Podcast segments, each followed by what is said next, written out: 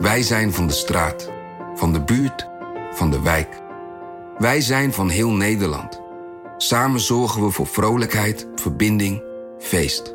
Samen brengen we in één jaar tijd 349 miljoen euro bij elkaar. Miljoenen waarmee onze goede doelenpartners de wereld groener, gezonder en rechtvaardiger kunnen maken. Nationale Postcode Loterij. Samen voor een betere wereld. Maar ik denk dat Rutte vrolijk is en ook heel vaak vrolijk doet. Ik denk dat hij dat makkelijker vindt dan serieus doen. Dan zie je hem meer een beetje verkrampen. Met, Als het ja, ernstigs is. Doet hij zijn eh, lippen stijf op elkaar. En hoofd een beetje naar beneden. Weet hij zich geen houding te geven?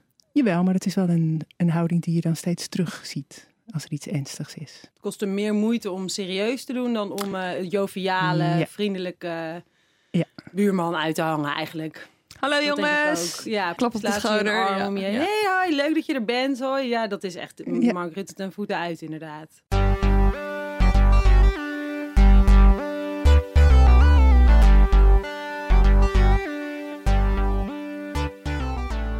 Vanuit de mediatoren op het Binnenhof in Den Haag is dit Haagse Zaken. Mijn naam is Lamia Harouai. Wat fijn dat je weer luistert.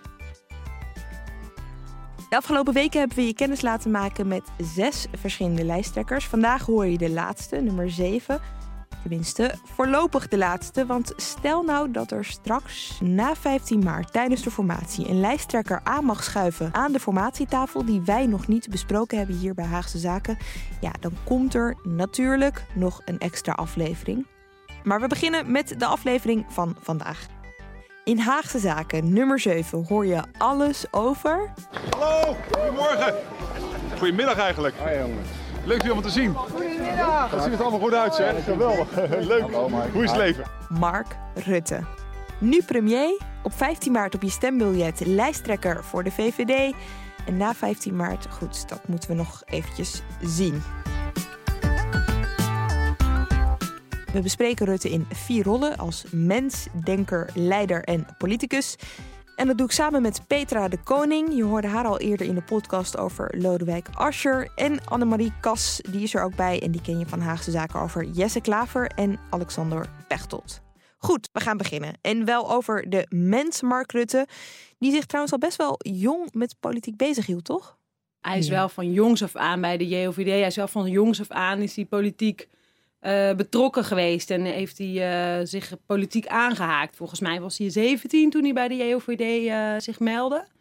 En hij is toen nooit meer weggegaan eigenlijk. Hij is, hij is wel wat van gedachten veranderd. Maar hij is wel heel vroeg politiek ehm, eh, actief geraakt. Dat is zeker zo. Om, om het te hebben over de mensen, Mark Rutte. Petra, je hebt eigenlijk iets gedaan waarbij je dat echt hebt kunnen onderzoeken. Je bent hem een jaar gaan volgen in 2015. Ja, ja, ik ben bij alle eh, optredens geweest die hij deed. Bij alle, elke keer als hij de straat op ging of op werkbezoek of op reis. Ik ben op drie handelsmissies mee geweest. Gewoon om te kijken hoe hij deed, wat hij zei en hoe hij dat deed. Ehm, dus heel erg observerend. Wat eh, vond hij er zelf van? Hij moet toch op een gegeven moment gedacht hebben: Goh, die Petra is overal bij. Ja, dat dacht hij zeker. Ik denk dat, hij, dat ze in het begin, hij en ook de mensen om hem heen, dachten: ah, dat gaat ze vast niet volhouden. Ehm, en ze vonden het een beetje een gek idee. Van de zoveel tijd stop je toch niet in één verhaal. Vonden ze heel gek. Maar toen bleek dat ik het ook echt deed. Ehm, weet je, soms kreeg je een reactie van: oh, wat goed dat je er weer bent, zeg. Hey, gezellig en zo. Van En- hem? ja, van hem. En, en af en toe zag ik hem kijken, zo van: oh ja, weet je, daar is ze weer. Hmm. En, eh, ja. Ongemakkelijk? Is dat wat- Ja, zo'n beetje wel. Weet je wat? Ja, hij wist ook, hij, hij wist ook niet wat ik zou gaan doen ermee. Weet je, hij wist ook niet wat ik zag en wat ik niet zag. En, eh, en dat, maakte hem wel, dat zei hij later ook wel, een, een beetje eh, onzeker. En het grappige is ook dat jij eigenlijk hebt ontdekt dat, en juist door er zo vaak bij te zijn, dat het echt een man van totale orde en herhaling. En hij heeft een rol en die speelt hij en dat houdt hij vol. En daar, en daar hij, hij leeft echt op een soort eh, ritme en reinheid en regelmaat die, eh, die jij toen heel mooi hebt blootgelegd, toch? Ja, het is absoluut een man van vaste gewoontes, Ja. vaste dingen, steeds hetzelfde. Allemaal dingen die hij zich heeft voorgenomen, dingen die hij elke dag doet. Ehm, Oh ja, wat is het patroon? Eh, nou, elke maandag gaat hij cappuccino bij een bepaald café. En daarna gaat hij eh, overleggen met de vicepremier. Ehm, eh, wat doet hij nog meer? Nou, hij heeft zich dingen voorgenomen. Als ik in het buitenland ben, reageer ik niet op binnenlandse kwesties. Ook privé is het zo hoor. Hij gaat ook elke, altijd naar hetzelfde ple- plekje op wintersport. Hij gaat naar New York het Ja. liefst. Dat vindt hij de favoriet, is, vindt hij de hoofdstad van de wereld. Altijd dezelfde grapjes. eh, Echt in zijn speech, weet Ja, je. En dat... En Ik had hier applaus voorzien, zegt hij dan, hè? Als, eh, als iets niet helemaal goed valt. En dan gaat iedereen alsnog klappen en lachen. Ja, en de RVD die zegt soms van, soms zeggen we, doe het nou niet Mark, laat het er nu een keer uit. En dat zegt hij dan ook in een speech. Ja, weet je, mijn mensen zeggen, doe het nou een keer niet, maar het is elke keer werkt het, weet je. Iedereen vindt het grappig. Dan benoemt hij dat ook. Ja, Ja. grappig. Maar, maar, maar als hij ergens binnenkomt, hè, want hij heeft wel een soort stijl. Dat als hij ergens binnenkomt, wat me vaak opvalt als ik eh, kijk naar filmpjes en zo van, eh, van Rutte onder de mensen. Even tussen aanhalingstekens voor de luisteraar, want dat zien ze niet. Ehm, hij, hij probeert altijd, juist door dat joviale, hallo jongens, ja hallo, weet je wel, uitdelen, handjes geven. eh, probeert hij de regie naar zich toe te trekken, lijkt het ook wel een beetje. Eh, ja, maar hij stelt ook wel mensen mee op zijn gemak, weet je. Hij, eh, door, dat, door dat hele vriendelijke en het vrolijke en zo. En hij weet heel, hij onthoudt namen, hij onthoudt, weet je, hoe mensen eruit zien en wat de, hij onthoudt dingen. Dat vinden mensen ook leuk. Dus hij neemt wel snel mensen voor zich in. Dus, maar ook als hij een bedrijf of een school inkomt, dan, eh, eh, weet je, dan kijkt hij om zich heen. Wie zit er in een hoekje? Wie moet er ook bij?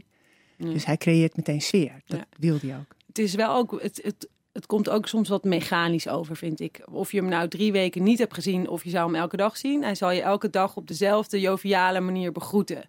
Het is wel iets... Ja. Wat, wat door... Het is vriendelijk, maar het is ook hetzelfde. Het is wel altijd dezelfde vorm. Waardoor, waardoor het ook soms, vind ik, niet heel echt overkomt. Nee, dat snap ik heel goed. En ik denk toch dat die bij de mensen bij wie hij dat doet, dat die dat niet in de gaten hebben. Nee, ik die denk zien hem dat niet vaak genoeg misschien. En dat hij het zo enthousiast doet. Weet je, ik, ik heb een, een, een diplomaat gesproken die hem vaak eh, eh, tegenkwam. En hij zei, die Rutte geeft je het gevoel dat je een goede vriend van hem bent. Ja.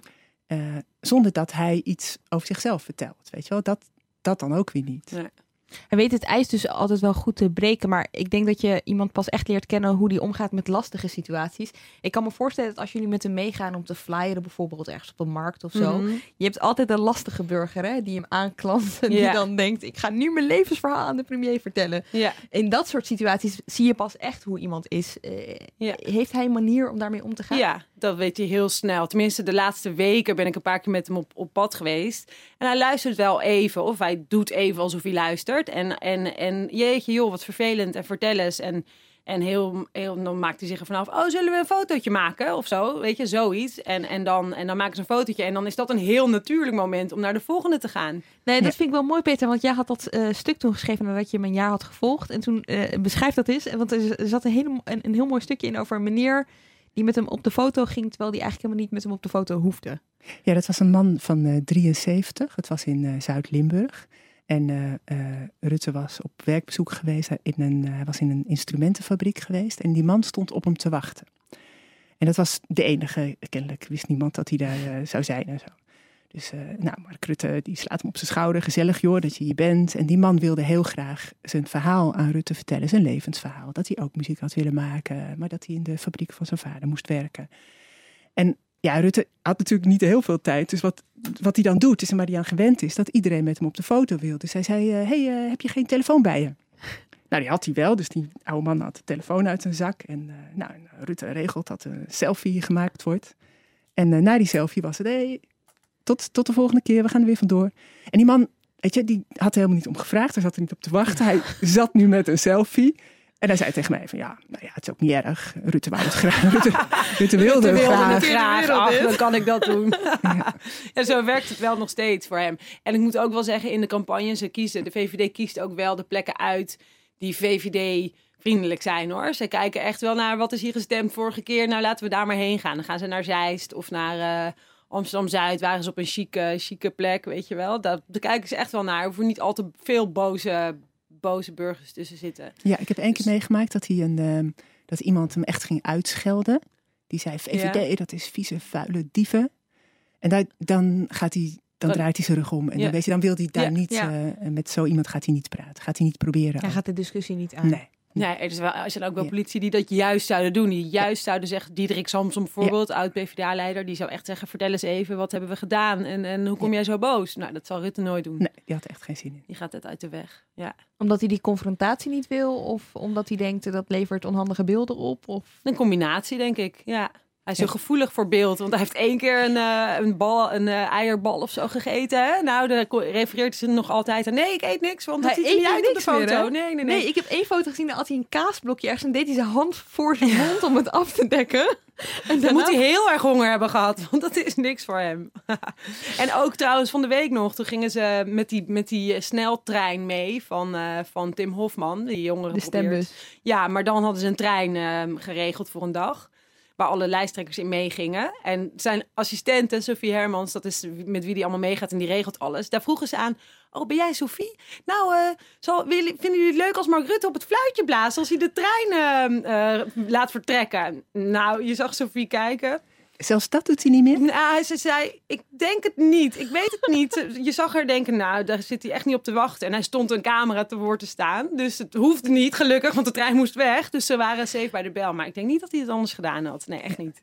Zitten ze niet op te wachten, dat soort beelden. Het moet niet, eh, nee, dat is uit regie. En dan, eh, de VVD is zo gefocust op wat wel en niet werkt. Ze waren ook... Van de week had, had je die aflevering van Paul Jinek... Waar, waar die Groningers met die papiertjes in beeld zaten... met niet mijn premier. Nou, vonden ze ook vreselijk. Ja, en eh, voor het eerst zag ik ook een beetje hakkelende premier. Dat was echt nieuw, vond ik. Omdat hij juist altijd overkomt als iemand hè, die eh, gezellig is en die... eh, hij leek een beetje van zijn stuk gebracht. Dat vond ik, dat vond ik heel apart om te zien. Ja, ik begrijp het wel. Het was wel. Ja, Een zeker zaal wel. Gekke vol boze situatie, mensen. ja. Ja, ik Ja. snap het ook. Ja. Ja. je kan je afvragen of je... Kijk, twee boze Groningers aan tafel of, of die wat vertellen, dat Ja. oké. maar een zaal vol Groningers, je kan je ook afvragen of je hem dat had moeten laten doen. Ja, weet je, als campagneteam kun je ook zeggen, hoeveel, hoeveel Gron- boze Groningers zijn er? Nou, ik weet niet of we daar eh, op zitten te wachten. En met jullie, met, met journalisten, want goed, jullie hangen natuurlijk ook de hele tijd om me heen. Jij hebt hem dan wat eh, ongemakkelijk gemaakt, Petra, door altijd om me heen te hangen. Maar hoe, hoe, hoe, hoe is hij in de omgang met jullie? Hetzelfde. Joviaal. Ja, het is, dat, dat is echt hetzelfde. Ook als je een rotstuk over hem hebt geschreven? Nou, een rotstuk. Ik weet niet. Ik heb nooit echt een. Ja, wij, wij zijn kritisch, maar fair vind ik zelf altijd. Dus ik heb dat zelf nooit bij de hand gehad. Maar ook dan, volgens mij hebben zij zich bij de VVD ook wel voorgenomen om, om niet al te veel kritiek op, op media te hebben. Ze hebben dat één keer zijn ze echt de fout in gegaan naar mee. Met Mark Verheijen, weet je nog, een paar Mhm. jaar geleden. Ja, ja, ja. Dat eh, wij hadden toen, met mijn collega's, niet wij zelf, maar NRC had toen dat verhaal over Verheijen's declaraties. En eh, Rutte ging toen in de verdediging. Die, die verdedigde Mark Verheijen. Want het was iemand die dichtbij hem stond. Met, met, met wie hij echt veel samenwerkte. Volgens mij zei hij toen iets van dunne feitjes. Hij noemde Nou, het opgeblazen, opgepompt. opgeblazen verhaal, dunne feitjes. Nou, uiteindelijk heeft de integra- in- integriteitscommissie van de VVD heeft toen onderzoek gedaan. En die vonden toch ook dat het, eh, dat het niet kon. Dat het niet, eh, niet met de code van de partij in, in lijn was. Dus daar hebben ze wel van geleerd. Ze zullen Ja. niet zo snel meer media Nee. ehm, de schuld geven of, of verwijten maken. Daar, daar passen ze echt wel mee op. Wat daar volgens mij ook speelde was dat Rutte vindt dat je het altijd voor je partijgenoten moet opnemen. Dat is ook zo'n vast principe. Van Oh ja, ja. eh, je moet loyaal zijn aan jouw mensen. ja. Dus, Dus dan, dan- gaat dat voor. Dan gaat dat voor. En achteraf, ja, had hij dat natuurlijk beter niet kunnen doen. Nou ja, qua loyaal zijn, hij heeft de afgelopen tijd natuurlijk nogal wat bewindslieden naar huis zien gaan. Eh, In zijn, alleen al afgelopen eh, kabinetsperiode. Ehm, misschien kunnen jullie helemaal geen antwoord geven op deze vraag. Maar is het ook iemand die dan het contact blijft onderhouden met die mensen, weet je wel? Omdat hij het erg vindt dat ze voor de partij eh, moesten opstappen? Ja, ik denk vooral dat door, door zijn loyaliteit... dat mensen langer zijn blijven zitten dan eigenlijk goed was voor het kabinet... en ook dan goed was voor de VVD. Ik denk dat eh, bijvoorbeeld Ivo Opstelten, echt die oude, oude partijrot... die was eh, partijvoorzitter en die heeft eigenlijk Rutte groot gemaakt. Hij, toen Ivo Opstelten partijvoorzitter was, zei hij... Mark Rutte moet het gaan doen. Jongen, ik zie het helemaal in jou en kom op. Dus dat was echt, ja, daar had Rutte hele grote loyaliteit voor. En, en eh, ja, die werd een dagje ouder en het ging niet meer zo. En toen heeft hij wel op een gegeven moment gezegd van, goh Ivo, zou je het nou nog wel doen? Is het niet eh, tijd om te gaan? Nou, en Ivo Opstelt had dat niet begrepen, dus, dus die bleef. Zei wel, het komt allemaal goed en we gaan ervoor. Power. Ja, maar dan heeft, toen heeft Rutte dus niet gezegd van... eh, ik bedoel eigenlijk dat het einde verhaal moet zijn. Want hij heeft zoveel aan die man te danken gehad... dat hij daar dus niet in doorzet. tekenend. En daarna is het echt wel ja, voor Opstelten vrij eh gênant afgelopen allemaal. Dus dat is, dat is mede door zijn loyaliteit eigenlijk ge- zo gelopen. Het is een mooi bruggetje naar de denker Mark Rutte. Want je had het al eventjes over de JOVD. Hè? Hij Ja. had als JOVD'er, eh heeft hij natuurlijk best wel lang gezeten. Als, eh, als tiener, volgens mij ook even als twintiger nog. Ja, dacht Ehm, ook. Ja. Hij had best wel duidelijke visies. En als ik, als, ik, als ik het zo lees, is, was het ook best wel linksig af en toe. Hij had natuurlijk ook dat hele groen-rechts gebeuren. Ehm, Dat was later volgens mij. In, in die EVD-periode zei hij volgens mij... eh, we moeten eigenlijk zoveel mogelijk met D66 samenwerken. Of eigenlijk met D66 fuseren zo ongeveer. En met de Partij van de Arbeid veel samenwerken. En GroenRechts was volgens mij pas toen hij ook al partijleider was. Dat was in 2006. Dus toen was hij heel erg zoekende naar...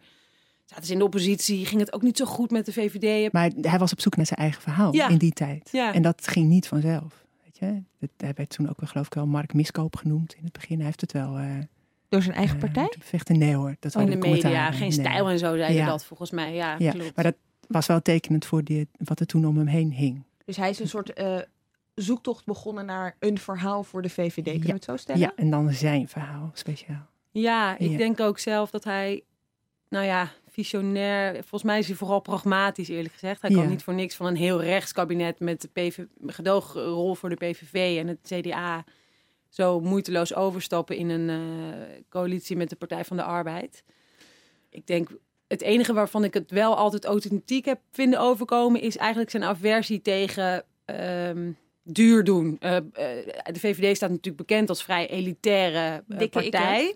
ja, de dikke ik, dat, dat vond ik vrij geloofwaardig overkomen. Want, want eh, hij is zelf iemand die absoluut daar bescheiden in is. Toch? Jij, jij was Ja, er ja. toen bij met die dikke ik. Even Ja. voor de dat- luisteraar, dat was een speech van hem, hè? Ja, dat was in 2015. ja. Je had net die affaires gehad met Mark Verheijen, waar we het net over hadden. En ehm, nog die ehm, man in Roermond. Weet je ook weer? Jos van Rij? Jos ja, van ja, Rij. ja, van Rij. Ehm, dat was net geweest en toen kwam hij met zijn dikke ik-speech. Eh, en dat eh, hij had het ook over, geloof ik, graaiers. En dan weet je, als je veel geld wil verdienen, je gaat naar, wil naar het buitenland, nou, toedeledokie. Ja. Eh, Dan ga je maar lekker. dus dat Ja. was wel heel erg een soort van billenkoek voor de eigen VVD'ers ook, denk ik. Ehm, en dat, ja, dat, dat, dat was wel geloofwaardig. Ja, ook omdat hij volgens mij daarvoor het al wel eh, zei. Ja, parelkettingen, dat is helemaal niet alleen wat de VVD moet zijn. Wij moeten ook voor de gewone mensen, de gewone hardwerkende Ja. Nederlander, moeten wij ook eh, Ja. nou, opkomen, zal hij niet zo snel zeggen. Maar daar zijn wij wel voor. Die mensen moeten wij de gelegenheid scheppen om eh, voor, voor hun de gelegenheid scheppen om wat van hun leven te maken. Al is hij ook liberaal, dus mensen moeten dat vooral zelf doen. Maar hij ziet wel dat het meer is dan, dan parelkettingen en eh caviar. Zeg Ja. maar. En die eerste keer dat vonden de VVD'ers nog wel zo oké, weet je wel. Je had die affaires gehad en daar moesten ze vanaf. En dat was wel een soort van loutering, denk ik. Maar toen hij aan het eind van het jaar op een congres er opnieuw over begon, toen vonden de VVD'ers het minder leuk. Ze Toen dacht daarmee. van, weet je, sommige VVD'ers zeiden toen tegen mij, gaat hij dat nou elke keer tegen ons zeggen? En wat bedoelt hij nu precies? De achterban of echt te de lessen. achter, nou, zijn eigen partij. Dus mensen die op dat congres waren. Dus de actieve leden die dan naar zo'n congres gaan. Dan is het meer de les lezen. Ja, Ja. En, ja, Ja. Ook afgelopen jaren hebben we natuurlijk wel gezien, als je kijkt naar hoe het in de coalitie is gegaan. Halbe Zijlstra, die is fractievoorzitter en die heeft toch vrij vaak het rechtse en wat, wat principiëlere geluid van de VVD moeten uitdragen. Want Mark Rutte geeft de dingen weg in onderhandelingen. De inkomensafhankelijke zorgpremie hadden zij in het eh regeerakkoord afgesproken in 2012. Nou heeft hij enorm gedoe over gehad met zijn partij. Want dat vonden mensen echt, dat vonden die VVD'ers echt vreselijk. Dat je dat, eh, dat je op die manier dus eh, aan het nivelleren slaat. Nou, dan heb je nog het sociaal akkoord. Daar had hij ook veel te veel weggegeven, vond Halbe Zijlstra. En nou, Griekenland natuurlijk. Dus de financiële steun van de zomer. Wanneer was dat? Zomer 2015. Dus hij staat meer bekend als, als eh deeltjesmaker. En als eh, samen komen we er wel uit. Dan, dan als rechts, rechtsgeweten van de partij. Dus hij kan soms nogal de idealen van zijn eigen achterban vergeten in, in dat onderhandelen. Van zijn eigen partij, moet ik zeggen. Ja, het- ja, hij zei ook, hè, olie- eh, visie, dat is een olifant die het uitzicht belemmert. Ja, het is een, heel- inmiddels echt een cliché geworden, maar volgens mij is het wel echt wat hij vindt. Ja. Toch? Ja, zeker. Ehm, hij vindt dat hij eh, moet, ervoor moet zorgen dat Nederland goed functioneert. Dat dat zijn rol is. Dat je niet Ja. een vergezicht hoeft eh, te schilderen om eh, mensen mee te krijgen. Maar dat de lantaarnpalen moeten gaan branden en de stoeptegels recht moeten Ja. liggen. Dat soort dingen. Wat Ja. vindt de oude garde binnen de partij daar eigenlijk van? Nou ja, VVD'ers zijn best wel pragmatisch eigenlijk. Dus zolang het goed gaat met de partij, zul je ze niet zo snel horen. Ik weet wel dat er een klein clubje van mensen is dat het, dat hele PVV-light of dat hele aanschurken tegen ehm, ja, een beetje de populistische kant, het, het, het paaseitjes die geen paaseitje meer heet en daar schande van spreken, dat die dat niet zo prettig vinden. Die vinden dat de VVD eigenlijk wat rechtsstatelijker zou moeten zijn. Maar dat, ja, dat is volgens mij... Dat is een lange discussie al in Ja, de VVD, hoor. Ja, dat Ja. ligt niet alleen aan Rutte. Nee. Volgens mij is dat iets wat, wat al langer speelt. En die, die, die vleugels heb je altijd gehad. Maar die, die willen ze zelf ook vooral niet overdrijven. Want uiteindelijk moet het land bestuurd en, en eh, moeten we er overal pragmatisch tegenaan kijken. Dat is toch wel wat ze bindt. En Rutte is ook niet de leider die die discussie dan ook graag voert. eh, weet je wel, ik kan me voorstellen ik, dat je ook een zoektocht begint naar je eigen achtergrond. Ben je conservatief, ben je dat niet? Die Ja. hele zoektocht wie je bent als partij. Maar dat is, daar is hij dus niet helemaal de leider voor. Nee, en daar is dit ook de tijd niet voor, denk ik. Want ze zitten natuurlijk, ehm, ze, zijn twee, ze zijn twee kabinetten onderweg eigenlijk. En dan is het heel gek om, om on- publiekelijk onzekerheid te gaan, eh, gaan etaleren over je eigen koers. Ik denk ook niet, misschien komt het wel weer hoor. Stel, ze verliezen deze verkiezingen enorm en het komt er niet van, het derde kabinet Rutte. Dan zal het misschien wel een logisch moment zijn. Maar ook dan, VVD'ers zijn niet van die hele lange evaluaties en dat soort dingen. Ja, dat vinden ze allemaal een beetje onzin. Ja, zonde van de tijd. en zo. Ja, ja. weet je, dat is meer Ja. voor, die, voor de sociaaldemocraten Ja. die dan eh, in een hoekje gaan, eh, gaan wenen wat ze allemaal verkeerd hebben gedaan en welk leed ze de wereld niet hebben kunnen besparen. Maar dat is wel interessant, want eh, zij kiezen heel duidelijk eh, deze campagne voor he- het normaal doen. Het gaat heel veel over normen en waarden. En Ja. eh, het, zelfs het christendom wordt er tegenwoordig eh, bijgehaald bij de liberalen, wat ik ook wel weer grappig vind. Ehm, is dat dan echt iets waarvan eh, Mark Rutte denkt, ja, dit moeten we nu op de agenda krijgen? Of is dat iets, is het noodzaak? Goh, dat is een goede vraag. Het is wel relatief nieuw dat Rutte daarmee komt. Hè? Hij heeft Behalve het, die ja. dikke ik heeft hij het eigenlijk niet over dat soort dingen. Nee, het grappige is, hij had het volgens mij, zei hij in een Volkskrant interview een paar, alweer een tijdje geleden, ik denk al dat het van de zomer was, vorig jaar zomer, vertelde hij in een dubbel interview met Lodewijk Asscher, wat die VVD'ers ook allemaal niet Oh ja. zo geweldig was een heel vonden. verliefd, klef Enorm. interview. Oh, wat heb ik veel van hem geleerd. Maar het grappige is dat hij daar dus vertelde dat hij had van Lodewijk had hij leren normeren. Dat je als, als eh, politicus niet alleen maar hoeft te kijken naar de wetten en regels. Dus niet alleen maar hoe functioneert Nederland, maar ook nou, normeren en, en de weg moet leiden en zeggen wat wel en niet normaal is in dit land. Toen dacht ik, nou, als je dat van een PvdA leert, dan weet ik niet of dat nou zo'n geloofwaardige boodschap is. Maar hij heeft het zich wel vrij snel eigen gemaakt. Hij heeft dus eh, letterlijk eh, tot een campagne ge- Ja, gemaakt. Ja, ik denk niet dat dat helemaal uit zijn eigen koker kwam, eerlijk gezegd. Ja, want dat is het eigenlijk. Is hij een uitvoerder van ideeën of is hij de bedenker ervan? Het voelt soms een beetje gekunsteld bijna, Ja. alsof hij jasje van Jan-Peter Balkenende aan heeft en de broek van. Geert Wilders. Ja, ja, ja, Hij ja, probeert zeker. een beetje, mooi gezegd. hij probeert, hij probeert allebei die groepen aan te spreken Ja. met, als, met als overkoepelend thema normen en waarden. Ja, maar ik denk dat zijn campagneteam dit bedacht heeft. En dat hij ook wel dacht dat hij hierin mee moest gaan. Maar past niet, ik heb niet het idee dat het echt lekker bij hem past. Dat hele normerende. Nee. Nee. Nee, Nee. Ik- dat heb ik ook. En ook die, die brief, die, die ingezonden brief eh, van hem helemaal aan het begin van de campagne eigenlijk. Waarin hij dus oproept om, om normaal te doen. Ja, in het AD, maar ook in andere kranten. Ehm, daar staat hij dan ook half met zijn hoofd op. Nou ja, zeggen ze ook, ja, je hebt Mark Rutte echt met zes paarden en vier olifanten aan hem moeten trekken. Om überhaupt met zijn eigen hoofd in, in zo'n advertentie te gaan Oh ja? staan. Want hij vindt helemaal niet dat het om hem moet gaan. Terwijl dat is ook wat het campagneteam had bedacht. Het moet dit keer echt om de persoon Rutte gaan. En meer over zijn privé moeten we weten. Want dan snappen mensen meer wie die is en zo. Dat is allemaal echt niet. Dat doet hij echt alleen maar omdat ze hem hebben weten te overtuigen dat het electoraal zou werken. Ja, dat hebben ze in de zomer bedacht. En Ja, vorige begon- zomer, ja. en het begon bij zomergasten, waarin hij echt Oh ja. zijn hele ziel en zaligheid zou gaan blootleggen. En dan zie je aan hem dat hij dat, dat, hij dat ongemakkelijk vindt. Weet je? En zodra het dan over politiek ging of over eh, economie, weet je, dan eh, kan hij lekker praten. Ik kan me ook Ja. voorstellen, want goed, je kan zeggen over dit kabinet wat je wil, maar ze hebben wel veel voor elkaar gekregen, hè, vooral Mhm. economisch. Ik kan me ook voorstellen dat je dan denkt, eindelijk campagne voeren, we kunnen dit helemaal uitmelken. En dan moet je het ineens gaan hebben over normen en waarden, wat super ongrijpbaar is en wat je helemaal niet, zoals, Ja. hè, dat, het, het zijn geen cijfers die je eventjes zo uit je mouw kan schudden en kan zeggen, kijk, dit hebben we voor elkaar gekregen. Ja, en toch is het volgens mij wel als vlucht vooruit bedoeld. Want, want ook uit onderzoeken, et cetera, blijkt wel. In 2015 had je natuurlijk, of 2016, sorry, had je natuurlijk ook die hele vluchtelingencrisis. Waar, waar eh, toen alleen maar over ging. En waar Wilders eh, virtueel in de peiling het heel goed bij deed. Dus zij voelde toen denk ik al wel aan, hoewel het economisch toen al vrij goed ging met Nederland. Dat die economie ehm, echt niet het belangrijkste van de campagne zou worden. Dus het is ik denk dat ze zelf daarmee echt een vlucht vooruit hebben geprobeerd eh, te nemen. Dat ze dachten, waar zal het dan over gaan? Laten we alvast nadenken over wat, wat we dan kunnen doen of zo. Uh, en, en die vluchtelingencrisis, daar heeft hij toen heel veel tijd in uh, gestopt, hè, om dat snel Ja. te laten stoppen, Europees gezien. Want ik bedoel, als dat nu zou spelen, midden in de campagne voor de verkiezingen, dan... eh, Ah, hij wilde het echt snel afhandelen Ja, voordat ja, de ja, campagne ja. begon. ja, want dat, dat bepaalde toen heel erg dat de PVV steeg in de peilingen. En ze hebben daar eigenlijk, zij, Rutte, maar ook eh, destijds Samson eh, vanuit de PvdA, ze hebben daar amper eh, credits voor gehad eigenlijk. En het lukt ook niet heel goed om die nu nog op te eisen, heb ik het idee. Het is niet, het is, eh, het is niet blijven hangen bij mensen, volgens mij. Nee, maar toen stond de PVV in de peilingen heel hoog. En dat is op dit moment dan weer een stuk minder Ja. dan toen. In elk geval. Ja. Eigenlijk gewoon damage control Ja.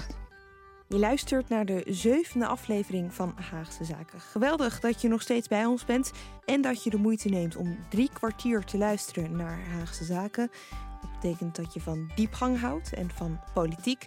En NRC biedt je dat allebei. In deze tijden van nepnieuws en alternatieve feiten kun je het verschil maken door mee te betalen aan kwaliteitsjournalistiek.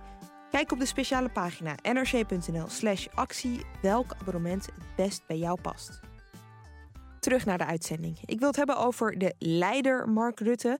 Hij is natuurlijk twee keer premier geweest. Wat heeft dat ehm, betekend voor zijn positie binnen de partij? Ja, hij was de eerste premier in decennia. Dus, dus in die zin zijn ze hem daar echt wel dankbaar voor. Dat denk ik wel.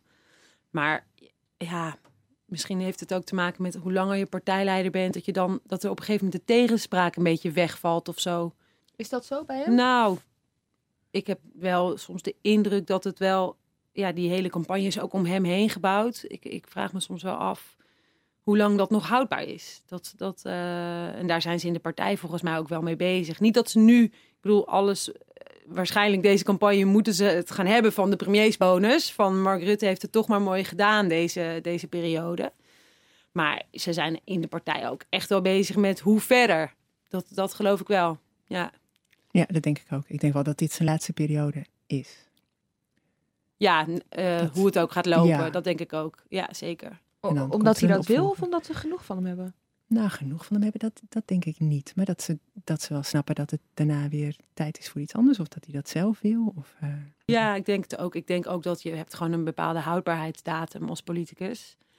En dat heeft niet, niks met hem persoonlijk te maken. Die partij is hem echt wel eh, dankbaar, om het zo te zeggen. Maar ja, ik geloof ook dat ze van plan zijn om echt een eh, solide, grote partij te bouwen. En, en niet voor niks, die partijvoorzitter, die was vol bravoer aan het begin van de campagne... dat ze 51 Tweede Kamerzetels zouden gaan halen. Ja, we kunnen veel zeggen. En de peilingen zijn peilingen, maar ze staan momenteel er niet op, niet op 51 Tweede Kamerzetels. En, en er moet er heel wat gebeuren, wil, wil dat nog gaan lukken. En ja, dat is niet aan Rutte te wijten, maar die partij ziet ook wel dat er dan op een gegeven moment, dat is gewoon de dynamiek van zo'n partij. Na een paar jaar regeren moet je ook weer, eh volgt bijna automatisch weer een dal. Dat, ja, zo werkt het voor elke partij tegenwoordig. Die tijd dat ze echt een grote basis hebben, is wel echt voorbij. Ik denk ook wel, weet je, er zijn ook echt wel mensen die ambities hebben om het, om, eh, om het van hem over te nemen. Klaas Dijkhoff, Ja. eh, Janine Hennis misschien wel, nu Ja. minister van Defensie. maar het is ook wel goed voor een partij als je mensen hebt klaarstaan, denk ik. Ja, zeker. Worden die echt Ja. klaargestoomd? Nou ja, ik, ik, ik weet niet van de klasjes, maar ik weet wel dat ze een soort groepje hebben waarvan, waarvan de VVD denkt, nou deze mensen zouden, zouden het kunnen gaan doen of kunnen het gaan worden. En daar wordt naar gekeken en die worden ook betrokken bij, bij, de, bij de plannen. En daar horen zij twee in elk geval bij. En volgens mij denken ze het bij de VVD toch ook heel goed over na wanneer het dan tijd wordt voor iemand om wat meer in de aandacht te komen. Of wanneer die daar klaar voor is, toch? Ja, ja, ja. Ja. dus het mediabeleid Ja, ook hè? voor de andere mensen, Ja. zeker. Ja, dat geloof ik Is ook. iedereen, want het is natuurlijk een hele grote fractie, ehm, is iedereen binnen de fractie daar ook tevreden over? Kijk, het, het punt met de VVD is, in tegenstelling tot andere partijen, zoals bijvoorbeeld, weet je, Emiel Roemer, tijdens de kerst waren de eigen Kamerleden die anoniem over hem gingen klagen. Bij de Ja. PvdA weten we ook dat er af en toe gewoon Kamerleden naar buiten stappen.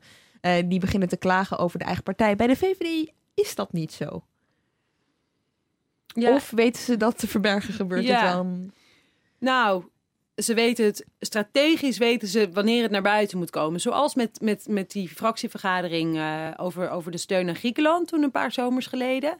Toen wist op een gegeven moment heel Den Haag, nou, ze hebben daar uren gezeten. De fractie was echt voor een voldongen feit gesteld. En uh, fractievoorzitter Halbe Zijlstra, die heeft gewoon iedereen uren stoom af laten blazen. En dat was ook echt wel bedoeld als, als teken aan Mark Rutte van... hey, je moet ook je partij meenemen. Je kan niet zomaar, ehm, zonder dat wij het weten, steun aan Griekenland toezeggen... terwijl wij daar als partij verdorie tegen zijn. Maar ook voor de eigen achterban, denk ik. Dat je laat zien van ja, we hebben het hier wel heel erg moeilijk ja, mee gehad. zeker. Dat denk ik ook. Niet vanzelf. Ja, weet je. Allebei, dus twee kanten op inderdaad. Ja, dat geloof ik ook, ja. Maar het is niet zo dat ze binnen de fractie. Uh, kijk, als je tien mensen managt, is het natuurlijk anders dan dat je meer dan veertig mensen managt. Um, weet je wel, uh, is er wel eens uh, onvrede onderling uh, over wie welke portefeuille heeft, of over wie welke aandacht krijgt, of over ja. wie dat soort zaken. Ja, die is er wel, maar die weten zij vrij goed bedekt te houden. Zij weten daar vrij. Is dat Rutte die dat goed weet? Of is zijn... nee. nee. want Rutte zit natuurlijk helemaal niet op dagelijkse basis bij die fractie. Dat is echt. de persvoorlichters daar zijn vrij strikt en streng. Maar ook Zijlstra, die is daar een belangrijke factor in. Ja, die die, die waarderen ze ook hoor. Ik bedoel, die, uh, die uh, geeft ruimte als dat nodig is in de fractie. En uh, die weet dat wel op een professionele manier te doen. En ze, zijn, ze weten ook, dat is ook wel echt zo. Door 2006, toen, toen al dat gedoe, toen Rutte en Rita Verdonk om het lijsttrekkerschap gingen strijden. Dat heeft er bij hun ook wel echt ingehakt. Dus die strijd en al die ruzie op straat. En Verdonk die Volgens mij zei Rutte daar zelf over. Weet je dat nog beter? Dat hij zoiets zegt van, nou, ik vond in die tijd elke dag een hoopje zaagsel onder mijn stoel. Want Rita die was bezig met zagen. Ja, dat heeft er wel ingehakt. Zij weten gedoe, ja, echt een drama. Ja. Gedoe in ja. de partij betekent uh, slechte uitslagen bij verkiezingen. En dat hebben ze echt wel in hun oren geknoopt. Ja, dus ze zijn heel gedisciplineerd. Ja, je, Hierom. ja, en als ja. iemand iets zegt wat, wat, buiten de orde valt of wat ze echt niet willen, dan, kan je ook, dan wordt ook wel uh, het woordvoerderschap afgenomen. Dat ja, dus in de Tweede Kamer dat ze dan over iets anders moeten gaan. Uh, had je daar een voorbeeld van? Nou, Anne Mulder, die over sociale zaken ging. En toen, wat had hij toen gezegd? Iets over... Ja, over Ascher. Over dat Ascher, hij een onvoldoende kreeg. Ja, dat was ja, ja, ja. De Telegraaf had hij dat toen gezegd. Ja, en later weer gezegd dat het toch wel meeviel. En zo, nou, in elk geval, daarna deed de Europese Unie. en iemand anders deed sociale zaken, arbeidsmarkt. Dat is wel een heel belangrijk onderwerp voor de VVD ook natuurlijk. En als jullie daar dan naar vragen, want was je natuurlijk ook op dat ah, daar ja. iets gebeurt. Dan zeggen, daar zeggen ze echt niks over. Nee. Nee. Gedisciplineerd, dat ja. is echt het woord uh, wat perfect ja. bij die fractie past. En als je dat wel doet, weet je eigenlijk vrij zeker dat je daarna niet op de kandidatenlijst uh, komt. En uh, nu viel het toch wel mee. Nou ja, kijk naar die Ibeltje Bergmoes laatst tegen BNR. Oh, had, ze, had ze natuurlijk iets over Eurabia gezegd, wat echt PVV-woorden zijn. Nou, het Halbe Zijlstra er nou een korte metten meegemaakt. Dit is waarom ze niet meer op de lijst staat. Hop, en klaar. Meedogenloos zijn ze dan ook wel hoor. Dus je wordt er net zo makkelijk uitgetrapt? Nou, uh, ja, hangt een beetje van, van je positie in de fractie af, denk ik. En je positie in de partij. Maar uh, het is wel hard. Het is wel een harde wereld. Ook Ton Elias. Uh, jarenlang, uh, hij heeft jarenlang voor de VVD in de Tweede Kamer gezeten. En hij kreeg nu de kans niet eens om zich, weet je, bij andere partijen heb je dan dat Pieter Omtzigt bijvoorbeeld vorige keer en nu Lisbeth van Tongeren bij GroenLinks, dat je laag op de lijst komt en dat leden je omhoog mogen stemmen. Maar ze hebben hem niet eens op de kandidatenlijst gezet, want ze wilden hem niet meer in de Kamer hebben. Ja, dat, dat, dat soort dingen zijn wel, uh, daar zijn ze wel hard in bij de VVD. En dat is niet alleen Rutte, dat is ook echt wat zij, wat zij geloven dat werkt. Dat, dat ze geloven dat rotzooi die op straat komt te liggen, dat is, dat is niet goed. Uh, klaar. Ja. Wie behoort er tot zijn inner circle? Ja, Sophie Hermans, hè? Ja, Sophie Hermans is zijn assistent. Die staat nu zelf ook op de, kamer, op de lijst voor de Tweede Kamer. Verkiesbare plek Ja, verkiesbaar. Volgens mij plek 16 uit mijn hoofd. Dus uh, zij gaat zeker de Kamer in. Ze kan op geen enkele manier nu campagne voeren. Want zij is, ze zit de hele tijd is, uh, in zijn kielzog. Um, ik denk dat Klaas Dijkhoff ook wel echt in die inner circle zit tegenwoordig. En ze hebben officieel Tamara van Ark is de campagneleider. Zij is uh, vice-fractievoorzitter nu. Maar ja, officieel is zij het, maar op de achtergrond speelt Klaas Dijkhoff, uh, staatssecretaris uh, van Justitie, echt een hele belangrijke rol. Ik hoor Halbe Zijlstra niet. Ja, zat ik ook. Halbe Zijlstra is ook wel echt heel erg belangrijk. Die zit wel in dat team. Die is uh, ook als fractievoorzitter bijna automatisch aangehaakt. Alleen die is wel wat. Ehm, nou ja, die had ook de campagne kunnen leiden. En dat heeft hij natuurlijk niet gedaan. Of dat, ja, daar hebben ze hem niet voor gevraagd. Dat weet ik eerlijk gezegd niet precies. Maar ik vond het wel veelzeggend. Ik dacht, ja, Halbe Zijlstra die ziet wel uh, dat het niet per se goed kan gaan. Of Kunnen zo, zij het goed ik. vinden onderling? Nou, dat heeft ook uh, op professioneel gebied wel gebotst. Halbe Zijlstra heeft af en toe wel gevonden dat Rutte wel erg makkelijk het VVD-geluid aan de kant uh, heeft geschoven. Maar goed, het zijn liberale en vriendelijke luidjes, dus het al, weet je, maar op professioneel vlak heeft dat wel eens ge, gebotst, ja. ja. Janine Hennis, vergeten we bijna, die oh, ja. zit ook wel echt in ja. dat uh, clubje. Ja, zeker. Dat is, een, dat is een vertrouweling, die geldt ook als een, dat is een talent natuurlijk ook voor de VVD. Ja. Annemarie Jotsma is meer, die zit in de, in de Senaat, zij is fractievoorzitter, maar dat is meer omdat ze fractievoorzitter is, dat zij betrokken is, denk ik. En heeft hij nog contact ook met de oude, met de Uri Rosenthals van deze wereld? En, uh... Kan ik slecht beoordelen, maar de VVD kennende wel. Uri Rosenthal is wel een beetje tegengevallen als minister van Buitenlandse Zaken toen. Maar ik, uh, ja, die Mark Rutte, die vinden zij allemaal, het heel joviaal type. Dus zij zal je altijd terugbellen. Maar uh, of dat ook van hem uitgaat, dat waag ik te betwijfelen, eerlijk gezegd. Ja, in Nederland is natuurlijk ook voorzitter van uh, de Europese Unie geweest in zijn periode. Hè? Moest hij ook ineens in Europa natuurlijk die leidende rol op zich gaan nemen? Volgens mij heeft hij heel veel contact ook met Frans Timmermans gehad. Dus de Europese commissaris. En ja, Euro Europees, uh, als je kijkt naar de andere Europese uh, regeringsleiders, is hij, loopt hij ook al vrij lang mee.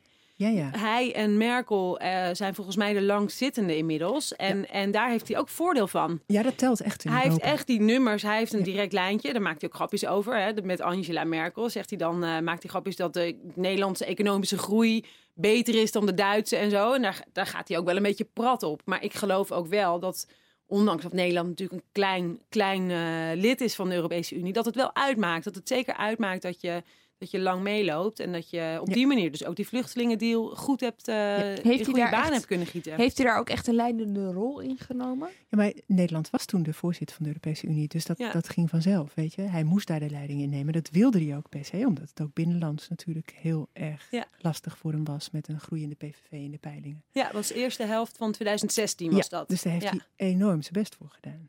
Ja. En wat jij zei, dat, dat weet ik ook wel uit mijn Brusselse tijd als correspondent. Dat als je daar lang zit, dat verhoogt je status enorm aan ja. die tafel met regeringsleiders.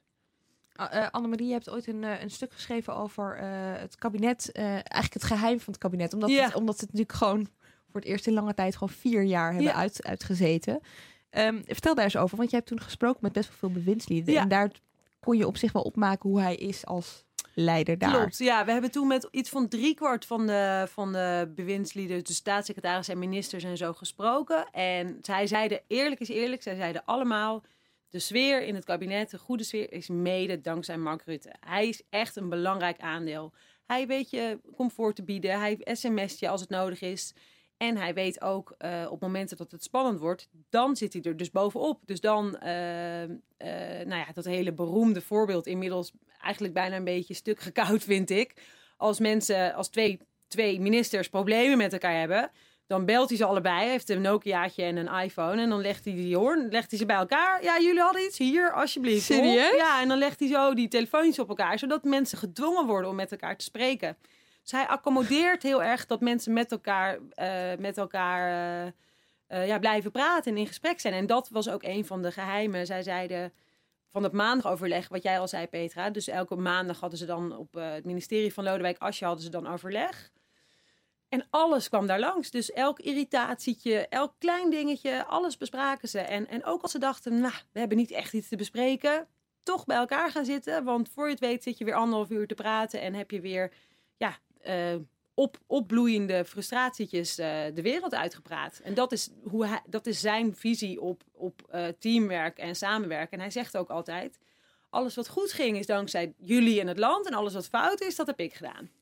Dat is ook zo'n wederkerende grap die hij overal zegt. Dat is echt uh, typisch hem. Maar het is toch ook zo, Annemarie, dat als ministers te veel met hun problemen bij hem kwamen, dan, dan zegt hij, zoek het maar zelf uit. Weet je? Ja, hij, ja in, als het probleem is, wil hij het oplossen. Maar je moet niet met elk dingetje dat je zelf nee, moeilijk vindt. Klopt, bij dat is heel, heel grappig. Ja, ja, ja, enorm. Uh, minister Plasterk vertelde dat. Ronald Plasterk, uh, die, die wilde on the record meewerken. Wat ik echt heel leuk vond.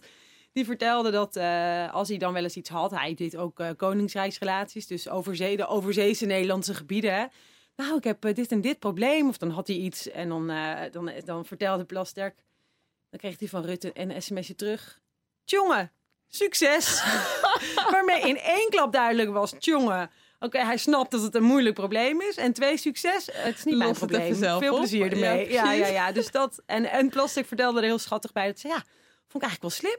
Zo ben ik het ook gaan doen. Ja, want je laat en zien, ik, ik snap, I feel your pain, maar je moet het zelf oplossen. Dat vond ik heel schattig. Dat is echt eh, heel grappig. Dat is hoe die werkt. En, en persoonlijk, ik bedoel, is het iemand die je ook even eh, een sms'je stuurt als je jarig bent of als die... eh, Hij, ja, dat zeggen al die bewindspersonen. Ja, Ja, ik, daar ik- staat hij onbekend. Dat ja, hij dat allemaal onthoudt ja, en, en ik moet eerlijk zeggen, ik vraag me af of een secretaresse van de Algemene Zaken daar niet heel druk mee is. Maar Om eh, dat te onthouden. Ja, Ja. het verhaal gaat ook dat hij precies weet wanneer die mannen jarig zijn die hem dan begeleiden als hij naar een Europese top in Brussel gaat. Hè?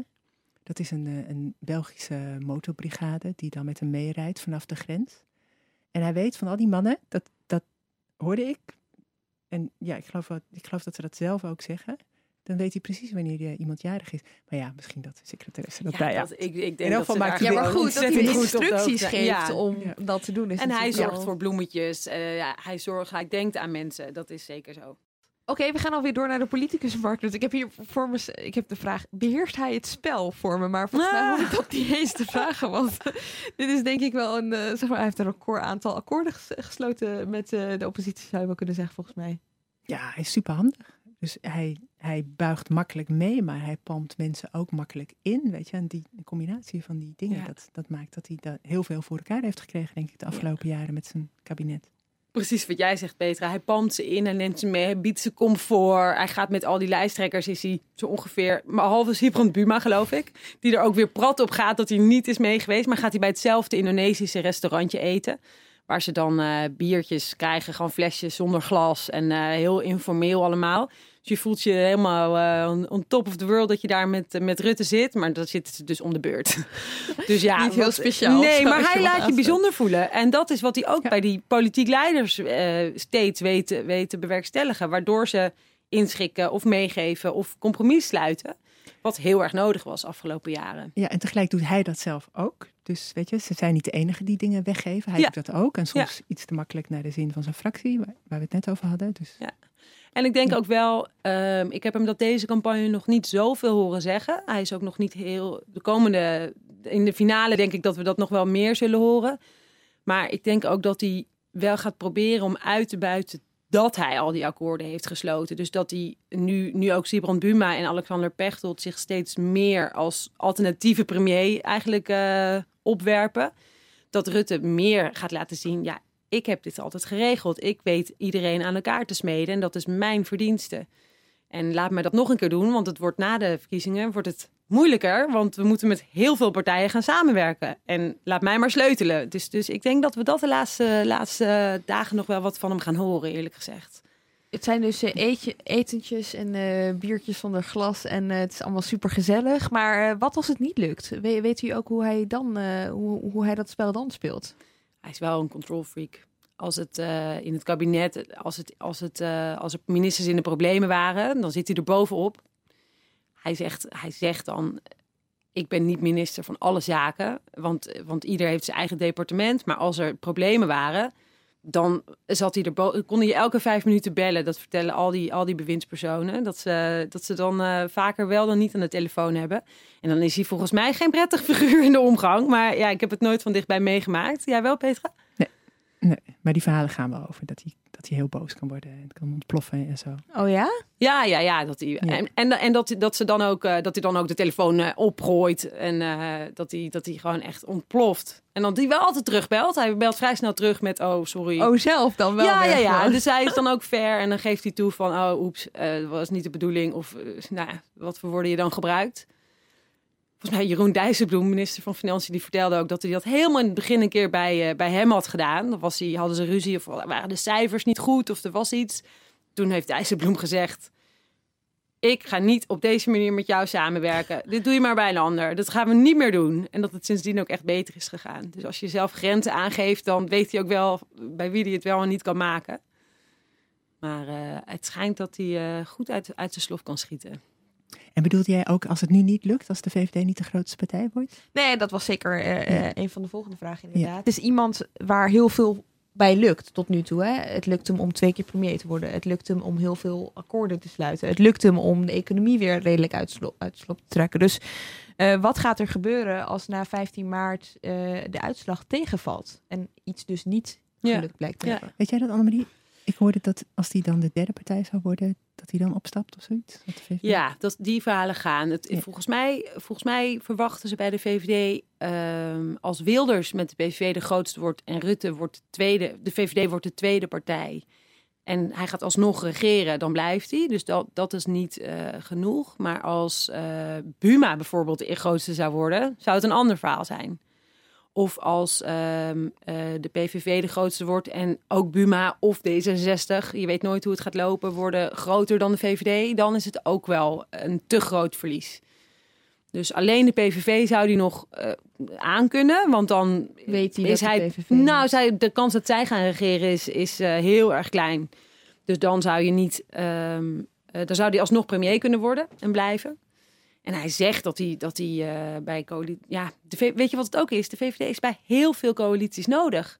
Als, dit, als er zo'n gefragmenteerde uitslag is en de uh, PVV van Wilders doet niet mee, dan moet de VVD haast wel meedoen in een coalitie. Ja, en dat is, weten zij ook. Maar is het meedoen of de leiding nemen? Dat is natuurlijk het grote verschil. Als je dan ja. als oud-premier ineens aan moet ja. schuiven en zelf de rol ja. krijgt van, weet je wel? Ja, ik kan me goed voorstellen dat hij daar niet op gaat, uh, dat hij dat niet gaat doen, inderdaad. Dus als zij de derde worden, dan uh, wordt, het, uh, wordt het hem te heet onder de voeten, denk ik. Ja, ja. dat lijkt me te veel gevraagd. Ja, ja. en het is ook, ja, neem het hem eens kwalijk, zou je ja zeggen. Dat is ook, dat, dat, dat snap je ook. Dat is ook menselijk, dat, dat, niet, dat je dat niet van iemand kan vragen.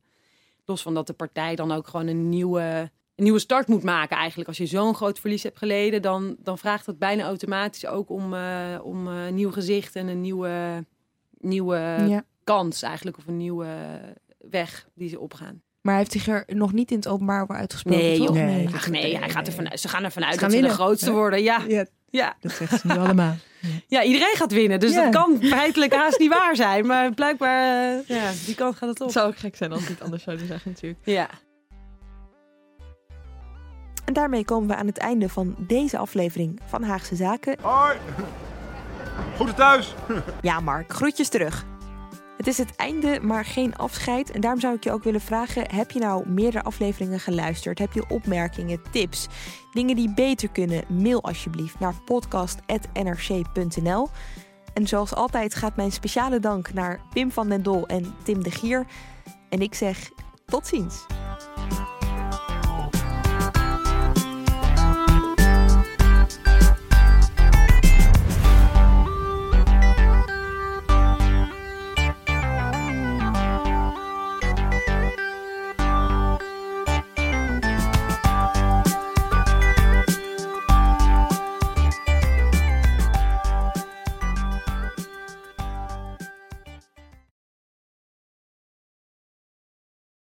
Je hebt aardig wat vermogen opgebouwd.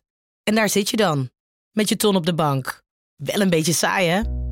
Wil jij, als belegger, onderdeel zijn van het verleden of van de toekomst? Bridgefund is een slimme fintech die een brug slaat tussen de financiële behoeften van ondernemers en van beleggers. Dus wie belegt bij Bridgefund krijgt niet alleen een mooie vaste rente, maar brengt ook ondernemers in beweging. Echt waar! Met die ton kan je zoveel betere dingen doen. Bridgefund. Make money smile.